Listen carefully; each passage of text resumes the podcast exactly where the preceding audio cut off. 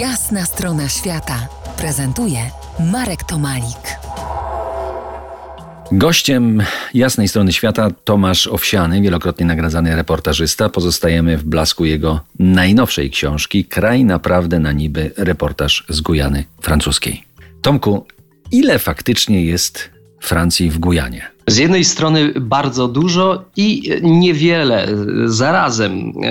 Gujana francuska jest integralną częścią Francji. Jest, podpada ściślej mówiąc pod 73 artykuł francuskiej konstytucji, co w praktyce oznacza, że z pewnymi tylko niuansami całość e, prawa z Francji kontynentalnej przepisów ma zastosowanie w Gujanie francuskiej, choć są możliwe pewne dostosowania.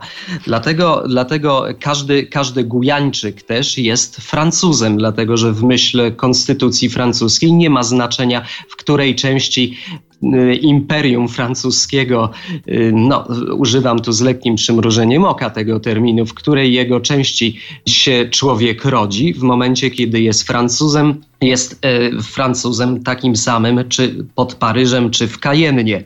No właśnie, powiedz Więc... mi, ale jakiś czas temu przeprowadzono referendum w Gujanie Francuskiej. Referendum, chcesz zostać Francuzem, czy zostajesz na przykład Indianinem? Jak sądzisz, chodziło o wyrównanie szans, czy o pogłębienie podziałów, które i tak już były? Nie sądzę, żeby chodziło o pogłębienie, o pogłębienie podziału, dlatego że to referendum, o którym mówisz, miało miejsce w przededniu scalenia Gujany Francuskiej w jeden spójny departament, co miało miejsce w 1969 roku, kiedy wybrzeże y, scalono z tak zwanym terytorium Inini, które pokrywało się z większością interioru Gujany Francuskiej i wtedy rzeczywiście mieszkańcy interioru zaczęli nabywać francuskie obywatelstwo. Rzeczywiście drogą plebiscytu, zresztą z, z, początkowo właściwie wszelkie odpowiedzi, które padały przynajmniej po stronie zachodniej, chodniej, które słyszeli żandarmowie przeprowadzający to referendum, brzmiały tak, że jesteśmy Indianami, byliśmy i będziemy i właściwie co to znaczy być Francuzem. Opinie są bardzo różne y, i wśród teoretyków, i wśród mieszkańców y, Gujany i, i samych bezpośrednio zainteresowanych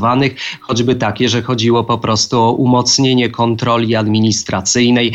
Fakt, że administracja od tego wspomnianego roku 69 bardzo sprzyjała, zachęcała Indian z interioru do osiedlania się w coraz większych wsiach na pograniczu, do przechodzenia z półnomadycznego trybu życia do stałego, co zresztą mnóstwo konsekwencji miało różnych omówionych w książce, że to był po prostu, miało na celu właśnie umocnienie kontroli administracyjnej e, w Francji. Za kilkanaście minut weźmiemy pod lupę jedną z grup etnicznych Maronów, którą Tomek opisał barwnie w swojej książce Kraj naprawdę na niby, reportaż z Gujany francuskiej. Zostańcie z nami po jasnej stronie świata.